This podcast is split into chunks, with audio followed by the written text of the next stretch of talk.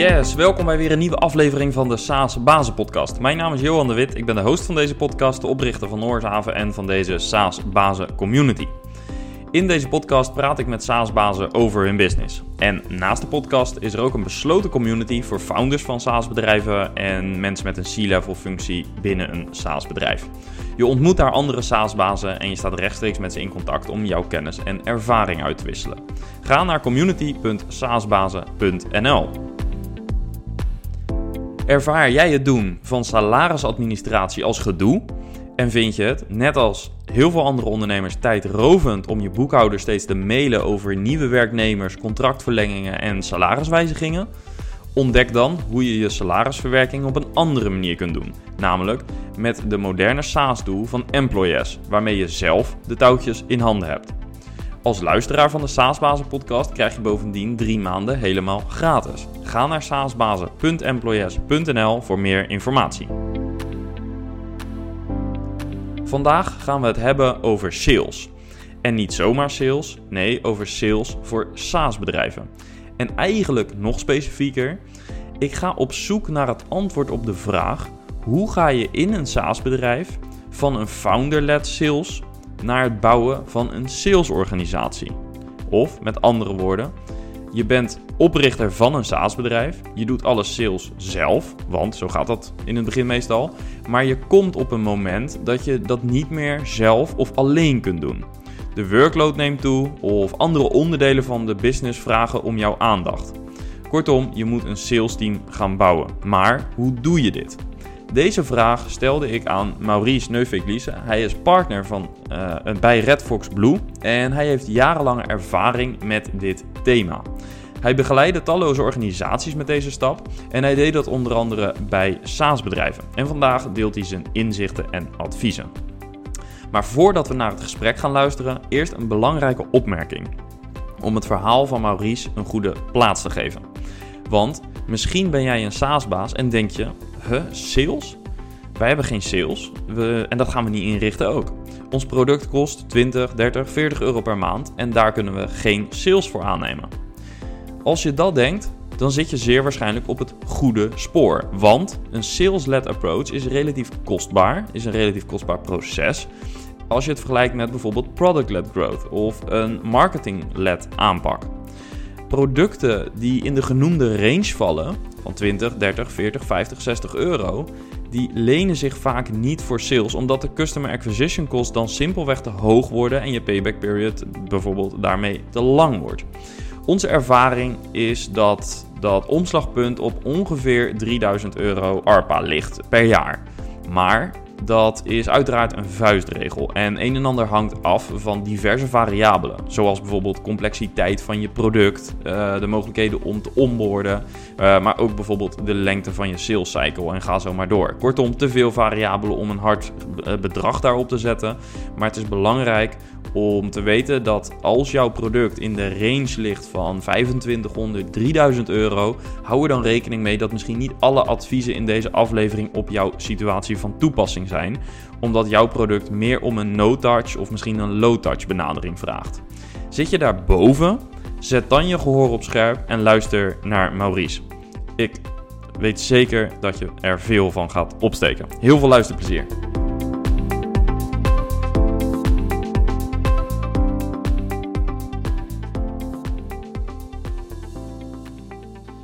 Maurice, van harte welkom in de SaaS Bazen podcast. Dankjewel. Leuk dat je hier bent. Uh, we gaan het vandaag hebben over sales. Um, onze luisteraars zijn SaaS-bazen. Maar in het begin, zeker in het begin van uh, een uh, nieuwe business, bij een start-up, gaat het vaak uh, ook heel veel over sales. Hè? Je moet je omzet binnenhalen. Dus dan zijn ze ook een beetje salesbazen zou je kunnen zeggen. Ja. En um, een van de belangrijkste dingen is uh, het schaalbaar maken van je sales als je een paar stappen verder bent. En ja. uh, daar willen we het vandaag over gaan hebben. Um, de titel van de podcast zou je kunnen noemen van founder-led sales naar een, uh, het bouwen van een salesorganisatie, het bouwen van een sales team, noem maar op. daar heb je ervaring mee, daar gaan we het vandaag over hebben. maar voordat we naar de inhoud gaan, is misschien leuk voor de luisteraar om een beetje te weten naar wie ze luisteren. Dus kun je jezelf in een paar zinnen voorstellen? Ja, absoluut. Maurice, van, uh, van Red Fox Blue. En uh, als organisatie helpen wij uh, onze relaties om meer rendement te halen uit hun commerciële inspanningen. En dat doen we langs een aantal pijlers: data, proces en mens. En binnen al dat geweld heb ik het vooral gericht op procesoptimalisatie. Dus met name op commerciële organisaties en op mens. En dan gaat het vooral op ervoor zorgen dat mensen dat gaan doen waar ze echt mee in hun kracht komen te staan. En dus een bedrijf verder helpen in het commerciële traject. Ja. ja. Uh, is het ook zo dat je het proces het belangrijkste onderdeel vindt uh, van, van data, procent, proces en mens? Dat je die hebt gekozen of ligt daar je hart meer of kan je daar meer impact maken? Wat is de reden daarvan? Nou, op een of andere manier heb ik uh, lang geleden gemerkt dat structuur en ritme ongelooflijk belangrijk is. Sowieso toen ik zelf ooit zelfstandig werd. Ritme, structuur, zorgen dat je de juiste dingen op het juiste moment doet. En tegelijkertijd merk ik ook dat het uh, salesmensen enorm helpt om langs een proces hun werk te doen. En um, ik zeg wel eens van ja, processen en structuren blijven bestaan, mensen gaan. Dus als je dat in een organisatie ziet, dan zeg je je kan maar beter je salesorganisatie of je salesproces goed in kaart brengen en zorgen dat je mensen daarin passen. Ja, ja. Uh, dus proces wordt een belangrijk uh, thema in deze podcast. Ook. Ja, mooi. Ja. Alright. Uh, we gaan het ook over de andere pijlers hebben wellicht. Uh, maar uh, misschien leuk om dan toch te beginnen met waar, het, waar, dan, waar we het over hebben, het proces. Um, als je het hebt over dat proces. Ik heb wel eens, we hebben vaak gesprekken gehad over sales. En je hebt wel eens gezegd, het is um, bij een SaaS-bedrijf niet eens altijd heel erg ingewikkeld om de mensen aan te leren Um, hoe je een salesproces inricht, omdat ze al gewend zijn soms om in processen te denken. Dan gaat het met name over mensen met een wat meer technisch profiel, volgens mij. Hè? Ja, klopt. Uh, wat kun je daarover vertellen? Um, nou, sales heeft van oorsprong altijd nog de gedachte van het is een onderbuikgevoel. En als je maar de juiste dingen op een bepaald moment doet, dan krijg je uiteindelijk je sales wel binnen. Uh, wat je vaak merkt bij technische mensen, niet zozeer alleen binnen SaaS-bedrijven, maar ook bij andere bedrijven waar ik zit, die zijn veel meer uh, zich bewust van in proces en structuren te denken. Op het moment dat je dat in een SaaS-bedrijf bij, als je bijvoorbeeld mensen aan gaat nemen die voor het eerst sales voor jou gaan doen, als je dat op dezelfde manier voor elkaar krijgt, dan, dan help je jezelf als SaaS-baas ook enorm vooruit. Ja, ook voor de lange termijn bedoel je, dat, dat dingen schaalbaar worden. Ja, en, ja. ja absoluut. Ja. Uh, want want uh, dat is uiteindelijk uh, waar dus in deze podcast over gaat. je start een SaaS-product, je begint daar een bedrijf omheen te wikkelen, je krijg, om te ontwikkelen. je krijgt wel de eerste klanten, die komen binnen omdat jij enthousiast bent over het product. Je kent de markt, je hebt een beetje autoriteit, je kunt beslissingen nemen aan tafel over kortingen, over deals, nou, noem het allemaal maar op. Ja. maar er komt een keer, als het goed gaat, komt er een keer een moment dat je die sales moet overdragen. Ja. Um, wat zie jij in de regel op zo'n moment vaak misgaan? Wat ik snel mis zie gaan, is dat men ervoor kiest om zeg maar, de ouderwetse sales funnel te gaan pakken. En daar zit, dat heeft natuurlijk wel een bepaalde reden. Want sla sales in op het internet, sla funnel, sales funnel, conversies in. Dan krijg je de bekende funnel van boven naar beneden. En dan wordt er heel snel in een organisatie gedacht van uh, suspect, prospect, lead, bezoek, offerte. En dan krijg je eigenlijk het bekende riedeltje naar beneden. Die SaaS-baas heeft natuurlijk een probleem. Die, die zit er middenin. Die weet alles van de hoed en de rand. Ja, jij kent ze beter dan dat ik ze ken, maar ze weten alles. En op het moment dat je dan zegt van nou, ik wil nu mijn salesorganisatie gaan uh, opbouwen, dan kom je er niet meer mee. Dat je zegt van ja, doe maar hetzelfde als dat ik doe. Dat gaat sowieso niet, want je bent, zoals ik al eerder zei, niet te kopiëren. Maar dat betekent dus van als je dan met een structuur gaat werken, en het liefst een structuur langs de klantreis, dus niet langs een commercieel proces, dan zorg je ervoor dat als het voor één iemand werkt en je gaat je tweede, je derde of je vierde aannemen, dat je die mensen in hetzelfde proces kan meenemen. Ja, ja. dus je designt eigenlijk een, uh, een, een, ja, je noemt het uh, customer journey. Ja. Um, en je kijkt daarbij niet te veel vanuit het commerciële proces, dus vanuit uh, inside out. Ja. Maar je kijkt eigenlijk outside in. Ja. En je moet beide doen. Alleen te vaak merk je bij uh, dat men zegt, ja, we stellen de klant centraal. En op het moment dat je dan gaat vragen, maar hoe doe je de verkoop? Dan krijg je de verkooptechnische termen om je oren. Een gespreksformat, een belformat. En dat zijn allemaal relevante dingen die je moet hebben, omdat tools je wel verder helpen. Maar als je eerst gaat realiseren van, hoe krijg ik nou mijn potentiële klant? Hoe krijg ik hem in de bewustwordingsfase? En wat moet ik doen om mijn klant bewust te maken? Dan krijg je in één keer van, ja, hij is daar dit zijn de problemen die hij heeft. Als ik nou de juiste dingen weet te zeggen op de juiste plekken, dan ga ik zelf uh, beweging in mijn, in mijn proces creëren. Ja.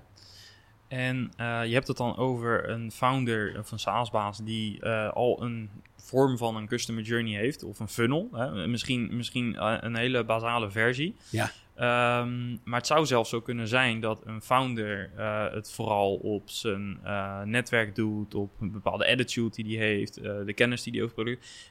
ik kan me zo voorstellen dat heel veel SaaS-bazen, en dat is ook wel een beetje wat ik zie, die hebben eigenlijk niet eens per se een proces. Ze weten natuurlijk wel van ja, ik heb zoveel offertes uitstaan en als ik dan vraag hoeveel scoor je dan, wat is je conversieratio? Zeg nou ja, toch als ik aan tafel zit wel de helft. Ja. Ja, dat is, hoe groot is de kans dat het precies dan 50% is? Terwijl uh, het verschil tussen 50% of uh, 55 kan op behoorlijke aantallen natuurlijk echt on bottomline een behoorlijk verschil zijn. Ja.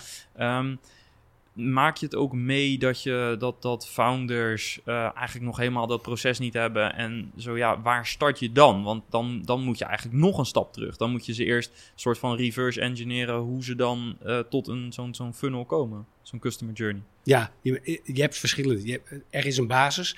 Tegelijkertijd denk ik ook, um, hè, ik zeg net, er is een basis. Er is altijd al wel iets. Um, maar het mooie wat je er net zei in je opmerking is, als ik maar aan tafel zit. Ja, dat, dat is super interessant. Als ik maar aan tafel zit. Maar het stuk van voordat je aan tafel zit, hoe doe je dat dan? En um, zo'n founder, die heeft zijn eerste klanten zelf naar binnen gehaald. Die heeft met ze geleerd. Die weet alle ins en outs. En daar ontstaat vaak ook een hele andere relatie met die klant. En dan vervolgens is het, maar ja, nu word ik bekend.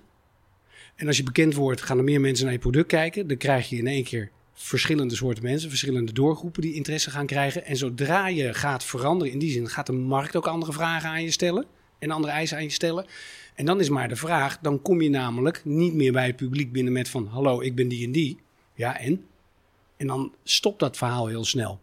En ik denk dat een founder in de lengte van jaren die rol nog steeds kan, kan spelen deuren bij organisaties waar hij graag wil komen gewoon openmaken. Maar dan vanuit zijn rol als founder. Dus niet zozeer vanuit sales.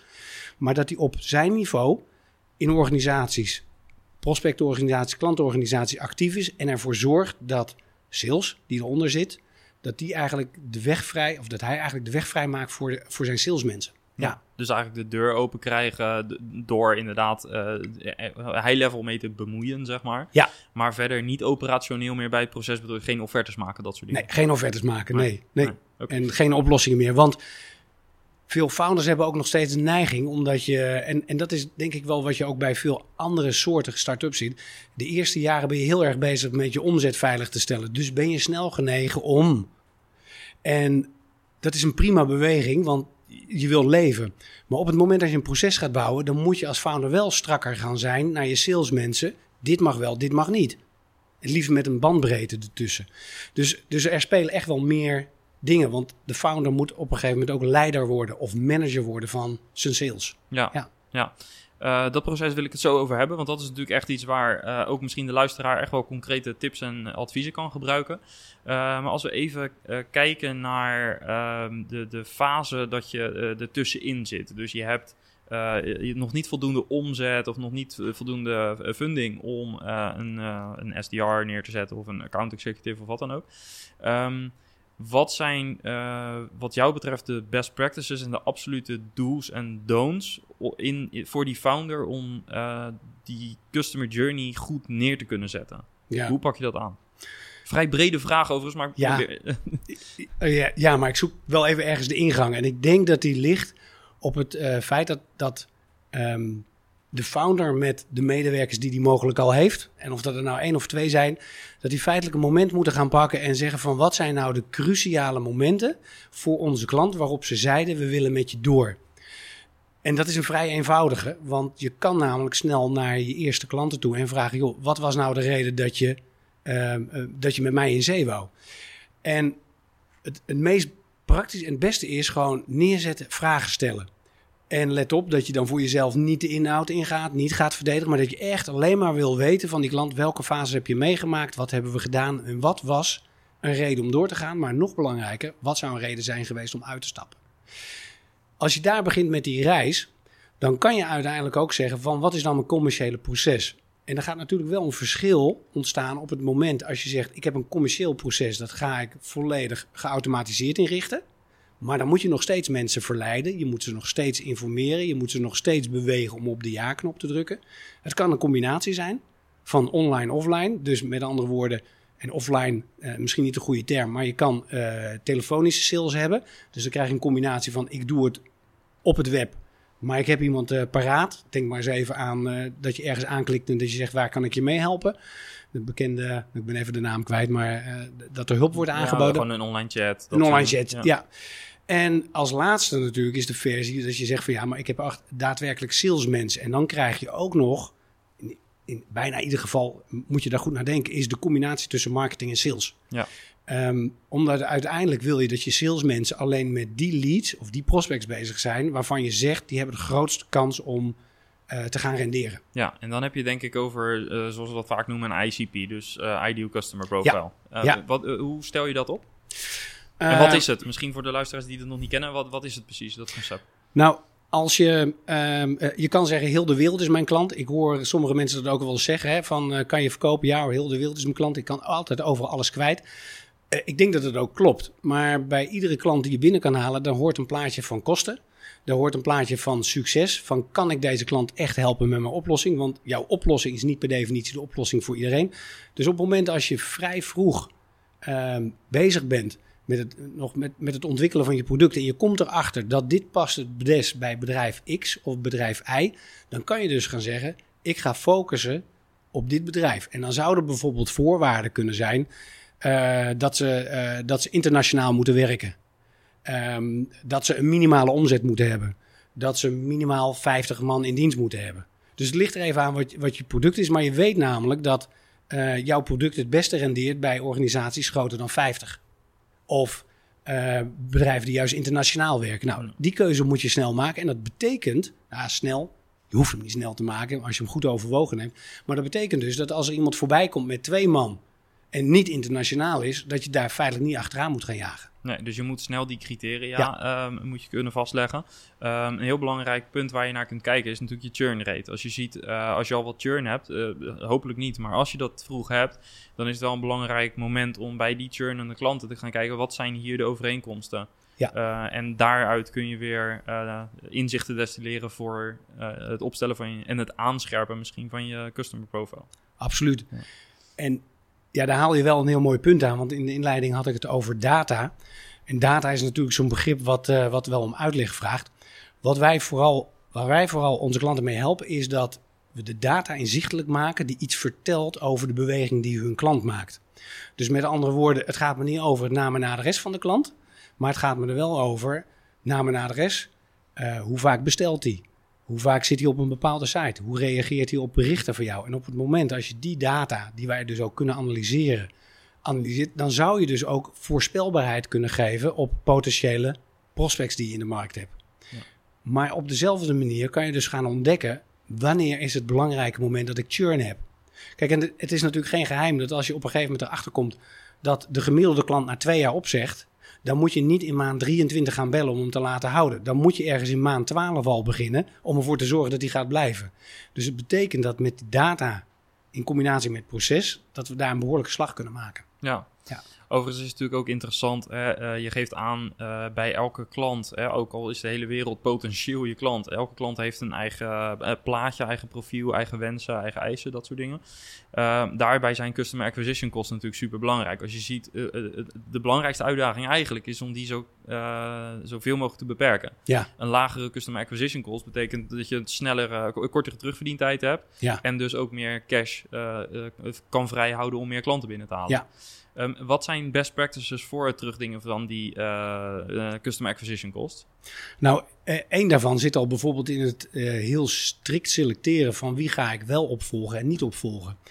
En op het moment dat je dus zeg maar met een klant door zijn reis gaat, dan is iedere fase waar die in zit, is een moment waarop de klant kan zeggen ik stap uit. Maar het is ook een moment dat jij kan zeggen ik stap uit. Um, feitelijk hebben we nog in te veel organisaties van als je er maar genoeg in stopt, komt het er vanzelf uit. Maar wat je daarmee doet, is je organisatie behoorlijk belasten. Als ik de keuze heb op vijf klanten waarvan ik zeker weet dat ze aan mijn profiel voldoen, om daar vijf keer mijn tijd, mijn uur, mijn twee uur in te steken, dan doe ik dat liever dan dat ik achter 25 mag aanbellen met een belletje en ongeveer 25 keer ga horen: nee, je bent niet relevant, ik wil je niet, ik heb niks met je. Dus het, het begint als je het proces goed inregelt, begint het al automatisch. Het, tweede wat daarin meespeelt is dat vaak salesmensen, dus als je mensen aanneemt, niet bewust zijn wat ze kosten. Dus even dit, even dat. Ik ga er toch achteraan bellen. Soms is even bellen, ben je twee uur verder. Ik stuur hem toch nog een mailtje, ben je een uur verder. Dan heb je dus drie uur gedaan. En uiteindelijk is het dus voor je, uh, zeg maar als organisatie, zeg je van nou, als, ik, als dit mijn maandelijkse uh, fee is, dan ben ik bereid om zes keer die maandfee te investeren om die deal binnen te halen op voorwaarde dat die twee jaar blijft. Ja, dan worden het hele eenvoudige rekensommetjes, want dan zeg je namelijk gewoon tegen je salesmensen, je mag in iedere prospect 400 euro stoppen. Na 400 euro, als je dat aan tijd gesoupeerd hebt en je zegt ik kom niet verder in de reis, dan zet je hem even terug en dan laat je hem rusten. Ja. Dus je kan het naar, zelfs naar de sales op de vloer heel duidelijk maken. Ja. Wat zijn indicatoren dat zo'n salesproces lang gaat duren? Merk je dat al vroeg in het proces? Um, nou, je, je, je kan eigenlijk zeggen hoe complexer het product, des te groter de kans is op een uh, langere sales cycle. Maar dat zou ook wel kinderachtig zijn als het alleen dat is. Want het heeft namelijk vooral ook te maken van wat die salesman of vrouw daadwerkelijk doet. Uh, heel praktisch voorbeeld. Op het moment als je de DMU niet in een bepaalde fase in kaart hebt, dan kan je praten tot je een ons weegt, maar je bent aan het schieten met hagel. Dus als het een half jaar duurt voordat je de DMU hebt, dan weet je dus dat je feitelijk in het proces van de DMU in kaart brengen, dat daar je verbeterpunt in zit. Ja, voor de luisteraar die DMU niet kent, Decision Making Unit. Yes. En, en, en dat is, ik, ik, jij kunt beter uitleggen dan ik. Ja, oké. dat nou, als je, als je kijkt naar een zakelijke beslissing, hè, dus even zakelijke context, dan heb je ongeveer zeven mensen in een bedrijf die zich ermee bemoeien. Dus dat betekent dat als jij maar met twee contact hebt en je kent de andere vijf niet, dan ben je dus maar met twee in gesprek. Mis je vijf keer koopsignalen, uh, belemmeringen, onmogelijkheden. Dus hoe complexer het product, hoe belangrijker om die DMU weer heel goed in kaart te breien. Kan je dat heel snel? Dat is een vaardigheid wat je kan leren. Krijg je het niet voor elkaar, ondanks ben je er vaardig in, dan moet je dus het lef durven te hebben. Ik kijk naar deze klant, ik kom er niet doorheen. Ik geloof dat ik ga missen als ik nu nog meer uren erin ga. Ik zet hem even terug. En wie weet, zeg je namelijk over een half jaar: ik zie een nieuwe aanleiding om hem wel te bellen. Ja, en dat zou, of je, je zou hem op dat moment in een soort van engagement campagne kunnen stoppen, waar marketing gewoon yes. zegt van we retargeten en we sturen af en toe ja. geautomatiseerde mailing, maar daar houdt het ja. mee op. Ja. Totdat we voldoende data hebben en uh, we wel uh, het gesprek aan kunnen. Ja, absoluut. Ja, ja. gaaf. Um, dan hebben we eigenlijk dus uh, data een klein beetje gecoverd. We hebben ja. het proces wel een beetje gecoverd. Uh, als we meer gaan kijken naar het uh, people gedeelte, ja. de mensen. Um, die SaaS-baas, die heeft een paar maanden, een jaar lang, heeft hij echt alles, aan, alles op alles gezet om die sales te doen. heeft ook zelf wel het gevoel van, nu de business groeit en ik ben toe aan iets anders. Iemand anders moet dit gaan doen. Ja. Ik ga me druk maken over andere dingen. Um, wat voor profiel neem je als eerste aan? En, en hoe pak je dat aan? Waar start je? Zo. Heb je even? Uh, ik heb alle tijd. ik hoop de luisteraar ook. Goed zo. Ja, er zijn... Er zijn of, uh, of, misschien zijn er meerdere scenario's. Misschien moet je het zo benaderen. Ja, wat... wat um, uh, dat is leuk. We doen ook een stukje werving en, en, selectie. Dus we bemoeien er ons in die zin ook binnen bedrijven mee. Maar ook hier kan je niet een eenduidig antwoord geven. Wat, je wel, wat ik wel weet te vertellen is dat een, uh, een baas überhaupt uh, het liefst een kloon van zichzelf aanneemt. Want dat is zo lekker, want die doet exact hetzelfde. Um, maar er is wat voor te zeggen. Want als je naar SaaS-bazen kijkt, dan kan je zeggen: neem ik een junior aan, dan moet je hem vormen. Dat is niet erg als je zeker weet dat je hem kan vormen. Maar ook met een junior aannemen moet je als SaaS-baas het lef hebben het is een junior, dus ik ben me bewust van dat hij nog niet alles kan. Maar ik moet wel heel helder en eerlijk en open met hem zijn. Als hij na een maand niet zijn eerste prestaties levert, dan was hij toch niet geschikt voor mij. Dan moet ik afscheid nemen. Want dat is namelijk wel een heel belangrijk punt. Dat bedrijven te lang door uh, sukkelen met. Uh, maar dat vraagt dus ook een scherp oog van de SaaS-baas.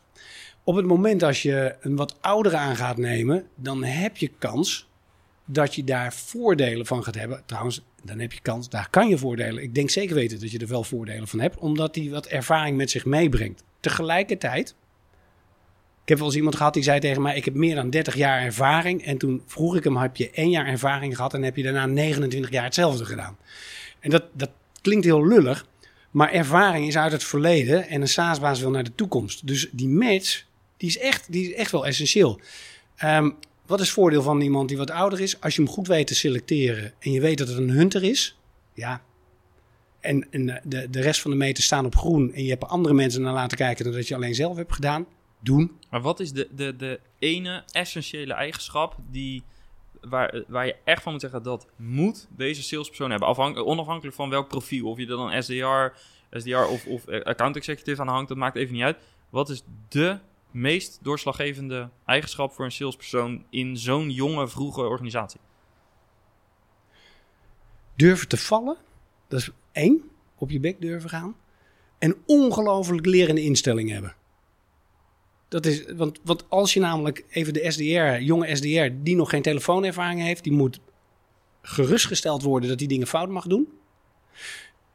En daarna moet hij achter, ook achter zijn broek aangezeten worden dat hij het gaat doen. Dus doen wil ik er eigenlijk ook nog aan toevoegen. En hij moet super bereid zijn om te leren. En dat vraagt weer wat van de salesbaas, of de SaaSbaas. Ja. Of de salesbaas als die, als, die er, als die komt.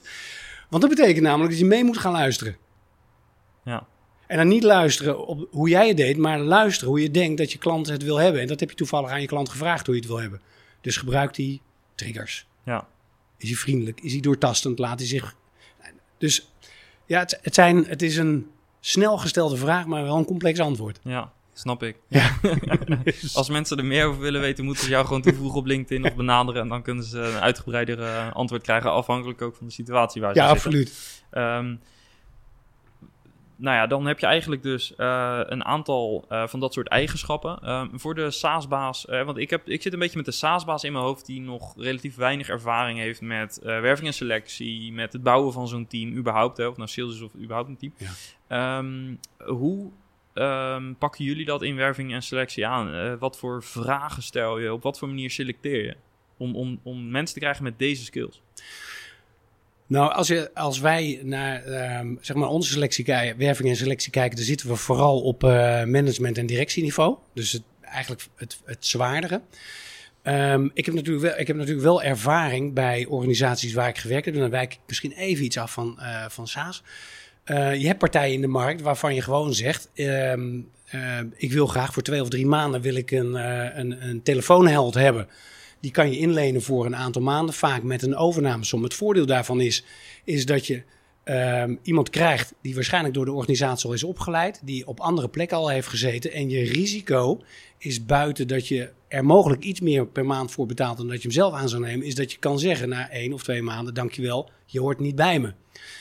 Op het moment als je um, het zelf gaat selecteren, en dat heb ik in, een, in een, mijn laatste functie ook gedaan. HR hielp daarmee, maar de, de, mensen kwamen voorbij. Dan zeg ik ook, ik snap dat het voor die SaaS-baas wel belangrijk is. Maar een jongen of een meid van 2, 23 aannemen, dat kan een investering zijn. Maar ja, tegelijkertijd is het ook niet de investering van een ongelooflijk dure salesman. Um, dus je kan ook gewoon zeggen, ik moet in mijn budget reserveren dat ik er volgend jaar voor x duizend euro dit in ga zetten. Ja. En, en uh, ik ben altijd van mening dat je ook altijd een, uh, respectvol moet gaan met de mensen die je binnenhaalt. En dat betekent dus ook wel dat je aan het begin heel duidelijk moet zijn van wat kom je doen, waar word je op afgerekend. En dan kom je toch weer terug naar het proces. Want binnenkomen in een bedrijf en er is geen onboarding en ga daar maar kijken, ga daar maar kijken en morgen heb je een telefoon en daar heb je een laptop, start maar. Dat is eigenlijk het begin van het falen. Ja. Dus je moet een playbook hebben, uh, Ja. een soort gids. Uh, wat moet daar echt uh, in staan? Wat zijn echt de basics wat, die daarin horen? Structuur van een eh, goed telefoongesprek. En structuur wil zeggen, ehm, als je mensen wil beïnvloeden en dat wil je aan de telefoon, dan is er een logische volgorde in wat je zegt. Daar zijn magische woorden voor. Wat zeg je in zo'n gesprek waarmee je mensen eh, weet te prikkelen? En er is heel veel ruimte voor eh, je eigen authenticiteit. Want ehm, ik ben wat minder van letterlijk scripten, maar ik ben wel van structuur. Dus als ik, en dat is de factor mensen, als ik met mensen aan de slag ga, gaat het er over. Ik leer je stappen, ik laat je zien hoe je het kan doen, maar jij vult in. En ik kan uiteindelijk, eh, kan je na afloop alleen maar zeggen, dit resultaat, En dat heeft voor mij maar drie smaken. Ik ben niet blij, ik ben gemiddeld of ik ben heel blij. Dat is de uitkomst van alles wat je doet als sales. Punt. Ja. Ehm, dan hebben we dat in het playbook staan. Uh, dus een, een, goed, uh, een goede gespreksstructuur. Um, de customer journey, dat is evident. Hè? Want dat heb je in het begin al aangegeven. Die moet er echt duidelijk in beschreven staan. Uh, verder nog andere dingen. Ja. Doelstellingen. Mm -hmm. Wat voor doelstellingen geef je mee? Kijk, er is wat, altijd wat discussie over wat is je doel en wat is je resultaat. En uh, ik ben heel lang geleden ben ik autoverkoper geweest. En um, dan werd er gezegd, je moet 10 auto's per maand verkopen. Dat moet het resultaat zijn. En op resultaat kan je niet sturen. Dus als je als SaaS-baas zegt, je moet twee, uh, twee klanten dit, uh, deze maand binnenhalen, dan kan je voortdurend blijven roepen: heb je die klanten binnen, heb je die klanten binnen, maar dan gebeurt er niks. Dus je moet de variabelen kennen. Dus je moet weten wat de variabelen zijn waar je op moet sturen. Ja, en dat ja. noemen we dan de inspanningen. Dus uh, ik heb het bij voorkeur met, met mensen altijd over, over hun inspanningsverplichting. En die inspanningsverplichting, die kan je gewoon heel meetbaar maken. Als ik aan het eind van de maand twee deals wil hebben, dan begin ik ergens met 30 leads aan het begin van de maand. En die 30 leads die moet ik bellen, dus er zitten telefoontjes aan. En aan die telefoontjes zitten weer bepaalde acties om ze, door te, uh, om ze uh, naar de volgende fase in hun journey te brengen. Ja. ja. Ik heb wel eens het hele leuke voorbeeld gehoord van een salesman. Die had uh, twee bakjes op zijn bureau staan. Eén leeg bakje en één bakje met 30 paperclips. Elke dag weer. En uh, hij wilde gewoon, hij moest gewoon, dat was zijn inspanningsverplichting, 30 telefoontjes op een dag. En elke keer als hij eentje gedaan had, pakte hij één paperclipje, deed hij dan een andere bakje. En de dag daarna gingen ze allemaal weer terug. Ja. Als het bakje leeg was, dan was het uh, gedaan. En uh, consistent, gewoon elke dag, uh, gewoon het proces volgen. Ja. Uh, dat was uiteindelijk daar gewoon de magic trick. Ja, nou, maar dat is het. Dat is het. En, en ja, ik word hier wel enthousiast van, Johan. Want op het moment dat je dit doet, dat doet iets bij. Als iemand dit voor zichzelf doet, dat doet iets bij. Maar een, een heel klein geheim, maar eigenlijk geen geheim mag zijn. Zorg ervoor dat je sales tussen 10 en 12 belt en tussen 2 en 4 weer. Geef een bloktime. Als hij het niet van zichzelf heeft. Want um, het moment van bellen, de beweging gaan maken, daar zit de meeste weerstand in. Want sales heeft toch altijd nog iets van als een klant nee zegt, voelt het als een afwijzing. Dat hoeft helemaal niet. Maar ja, als je heigende baas in je rug hebt die zegt je moet presteren, je moet presteren, dan verandert er echt wel veel in een organisatie. Dus aan de SaaS-baas ook de opdracht. Zet je klantreis neer, je commerciële proces. Zorg dat per stapje in het proces helder is wat iemand moet doen. En geef iemand op deze manier de structuur. En wees daarna echt super begeleidend als het gaat om uh, de eerste resultaten te halen. Ja. ja. Uh, we hebben het over proces gehad uh, en we kunnen hier uren over praten hoor. Dat, dat merk ik sowieso, want ik, ik, ik, kan hier echt uren over praten en jij volgens mij nog wel meer. Um, maar we moeten toch proberen om een beetje de kern te, te, pakken. Um, ik heb ook wat vragen binnengekregen natuurlijk. En ja. een van die vragen, die zat hem ook in het bellen. Ja. Um, moet ik überhaupt koud bellen, was een van de vragen. Ja. wat is jouw antwoord daarop? Nee, niet koud bellen. En ik, en ik snap dat dat wel uitleg nodig heeft. Met de platformen die we vandaag hebben, Instagram, LinkedIn, um, vakplatformen, is het bijna onmogelijk om niet met iemand te connecten voordat je hem gaat bellen.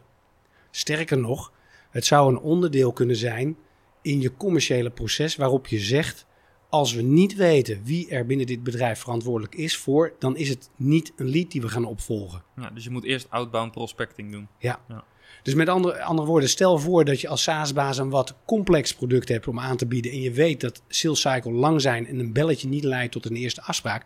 Ga dan deze maand gewoon eens even spieken op LinkedIn. Ga linkjes leggen. Eh, linkjes leggen. Ik bedoel, je hoeft nog niet eens met iemand te linken, maar je kan volgen. Ga reageren op zijn post. Kijk wat hij deelt. Kijk wat hij leest. En na een week of drie, vier iemand gevolgd hebben, dan zeg je gewoon heel vriendelijk: joh, volgens mij hebben wij iets gemeenschappelijks en dat is X. Zullen we eens even linken? En het linkje is gebouwd.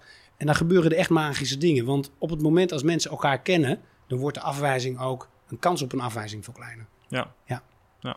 Dus uh, dat is iets wat je kunt doen um, als het gaat om uh, koud bellen. Uh, en dan vervolgens, of niet om koud bellen, maar om, om de, de stap daarvoor, zeg maar. Als je dan gaat bellen, zorg dat je een belscript hebt. Zorg Ja. dat je heel veel, zoveel mogelijk weet van die persoon. Ja. Zodat je ook de, de juiste eh, taal spreekt. Ehm, ik wil nog heel even terug naar die doelstellingen. Want eh, daar gaf je aan van die doelstellingen, die moeten dus op de inspanningsverplichting zijn. Eh, tot op welk niveau ehm, eh, stel je die doelstellingen dan? Want ik had net een beetje het kinderachtige voorbeeld van zoveel paperclipjes en dan mag je weer naar huis. Maar ja, hoe ver ga je daarin? Want ik kan me voorstellen dat dat dus ook bij, als je een senior aanneemt, dat je daar misschien dan iets meer ruimte in geeft. Of, of zeg je van, nee, een SaaS-baas moet gewoon dat soort inspanningsverplichtingen overdragen, ongeacht het profiel. Hoe ga je daarmee om? Ja, Dus mijn antwoord is ja. Ook voor een senior is het nodig om eh, zicht te hebben op zijn inspanningsverplichtingen. Waarom namelijk? Omdat in die inspanningsverplichtingen zegt iets over kwantiteit en kwaliteit. Ik hoop namelijk dat die man met die, eh, met die paperclips, dat hij na vier weken in plaats van 30 er 25 overlegt om, eh, naar het andere bakje, omdat hij zijn doel heeft gehaald. Op het moment dat dat gebeurt, dan wordt hij dus kwalitatief beter. En dan kom je in het mooie spanningsveld, want dat hoor je namelijk ook vaak. Ja, ik, ik heb het niet zo druk, want ik haal mijn doelstellingen makkelijk. Dan, dan moet je doelstelling verhogen. Want als iemand kwalitatief zo goed wordt dat hij binnen zijn inspanningen zijn, zijn resultaten haalt, dan moet je een goudmijntje van hem maken. En als je zegt van ja, ik ga met een sales rep die binnen zit aan de telefoon, daar ga ik eh, ook een dagstartje mee doen om te kijken van eh, hoeveel bel je nou, wat heb je gedaan, is het gelukt vandaag en de volgende ochtend weer. Dan zou je met een senior ook kunnen zeggen, ik doe ook een dagstart, maar dat gaat even niet over de aantallen bellen, maar dat gaat even over, heb je het contact gehad met die klant, heb je het contact gehad met die klant. Maar uiteindelijk blijft het op inspanningen zitten. Ja. Ja. Oké. Ehm, toch een vraag over het proces nog. Ehm, meetings. Ja. Wat voor meetings moet je in een beginnende salesorganisatie hebben? En wat zijn de agendapunten? Oké.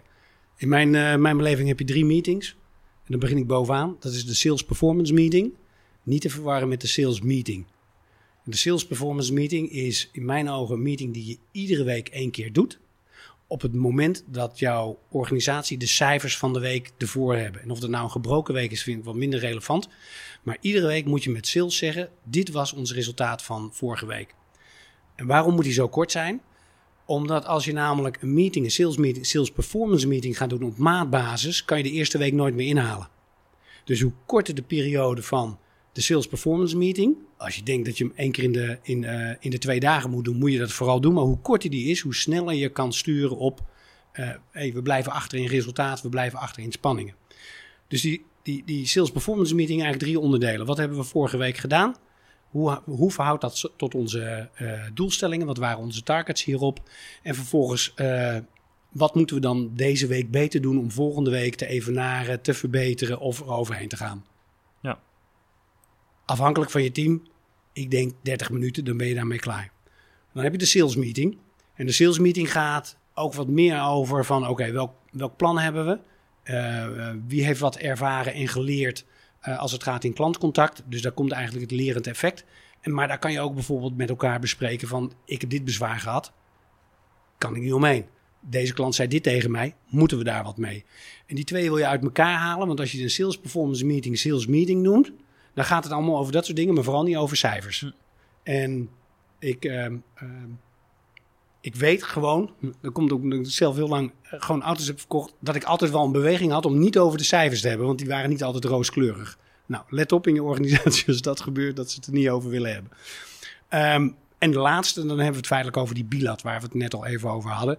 De één op één. En in de één op één ga je, wat, ga je dieper in op het resultaat wat de ene man van de vijf, drie of van de twee die je hebt, wat hij heeft gedaan. En het onderwerp is dan feitelijk, wat waren jouw prestaties vorige week? Een paar verdiepingsvragen op wat je ziet. En vervolgens, wat heb je deze week nodig om lekker te kunnen scoren? Wat, en dat is dus ook op wekelijkse basis.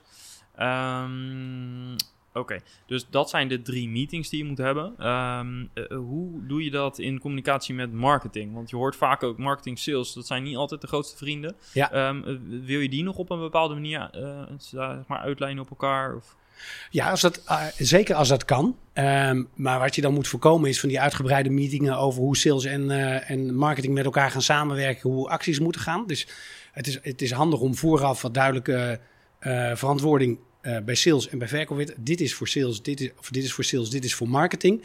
En je moet wel zorgen dat de, het moment van het overdragen van de lead, want daar gaat het over, hè, op een gegeven moment gaat die lead over naar een salesman, dat je zorgt dat die optimaal is. Dus dat betekent ja, ergens een moment plannen dat je het met marketing doet. Ja. Ja, oké. En uh, de andere kant op, naar customer succes. Dus nadat je de deal gescoord hebt. Um, in veel organisaties gaat het dan naar customer succes. Misschien in de vroege fase is daar nog niet een dedicated afdeling Ja. voor. Misschien nog niet eens zelfs echt een dedicated persoon. Uh, wat zijn daar de, uh, ja, de kritische overdracht- en overlegmomenten? Als eerste zou je customer succes vroegtijdig moeten betrekken. Dus op het moment als een, uh, als een klant zegt ik ga het doen, dan zou je op dat moment al moeten zeggen, nou, dat gaan we vieren met elkaar. Ik neem een fles virtueel of we, gaan, hè, we mogen weer bezoeken en ik neem mijn, uh, mijn collega van customer succes mee. Dat er een warme overdracht is. Dus met andere woorden, het is niet zo dat ik als sales naar customer service ga vertellen, dit, dit is uh, wat er moet gebeuren. Nee, de klant mag gelijk meedoen. Om de simpele reden is dat je kan dan regisseren wat er in dat gesprek gebeurt als sales. En uh, customer succes kan gelijk haar, rol, haar, haar of zijn rol oppakken om met die klant ook gelijk in contact te komen. En dat, ja, weet je, met z'n drieën praat het makkelijker. En waarom is zo'n moment belangrijk? Het is al een feestje, want de klant zegt ja. ja. Dus dat is automatisch al wel een moment waar men blij is. Ja, ja. oké, okay, dus dat moment goed benutten, ja. uh, vroeg overdragen en ja. zorgen dat je daarmee uh, ook de energie in het salesproces en daarna ook hoog houdt. Want er zit er nog een ander punt bij. Als je namelijk een wat senior sales krijgt en die komt uit een organisatie waar die zelf verantwoordelijk was voor het beheer van zijn klant, die heeft een neiging in jouw organisatie hetzelfde te gaan doen. Ja, dus om heel veel bezig te zijn met de, de bestaande klanten, ja. misschien ook een beetje daardoor achteroverleunt en misschien minder bezig is met uh, nieuw business? Um, als zijn voorkeur ligt bij bestaande business en je hebt dat in het sollicitatiegesprek er niet uitgekregen, nou dan steven je wel af op een, een paar goede gesprekken. Ja. Want bezig zijn met bestaande klanten is altijd een goed excuus om niet te acquireren. Ja. ja, ja. En, en het is dus eigenlijk gewoon een rol voor customer succes. Dus. Ja. Ja, helder. Um, ik ga de moeilijkste vraag misschien stellen. Uh, ik kan me voorstellen dat het de moeilijkste vraag is. Uh, wat heb ik nog niet gevraagd wat je wel wil meegeven aan een SaaS-baas die nu zijn salesorganisatie aan het bouwen is?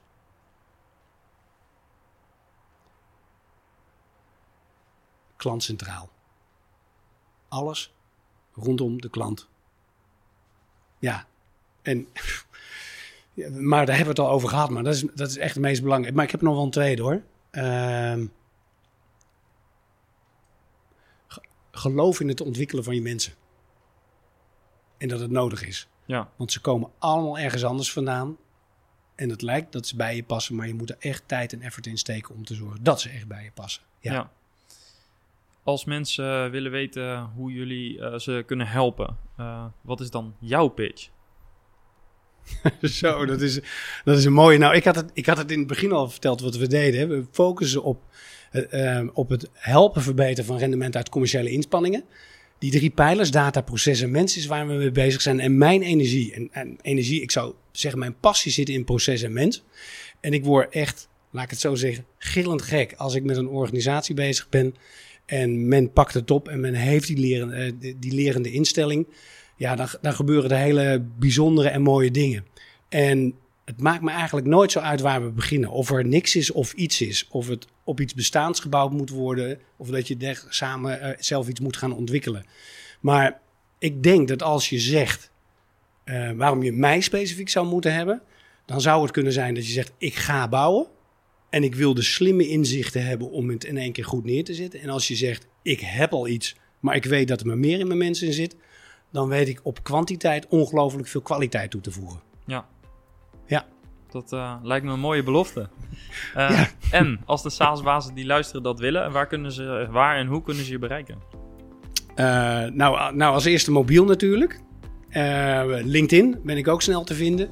Uh, je kan naar onze website, daar sta ik ergens ook op een pagina. Uh, Red Fox Blue. Ja, Red Fox Blue. En uh, ja, moet ik nou mijn telefoonnummer zeggen? Nou ja, denk ik, ik, ik denk dat als ze deze bronnen volgen, dan komen ze wel bij je uit, denk ik. Ja. Zeker op LinkedIn. Ja, zeker weten. Ja. Helemaal goed. Uh, ik wil je heel erg bedanken voor uh, deze masterclass uh, sales voor SaaS-bazen. Um, ik zal ook zorgen dat even wat linkjes in de show notes komen, zodat mensen nog even bij jou uit kunnen komen. En ja, nogmaals, ik denk dat de SaaS-bazen die geluisterd hebben vooral praktisch aan de slag moeten en alle adviezen moeten opvolgen die, die je gegeven hebt. En als ze er niet uitkomen, dan weten je bij deze dus te vinden. Ja, zeker. En ze zijn allemaal stuk voor stuk welkom.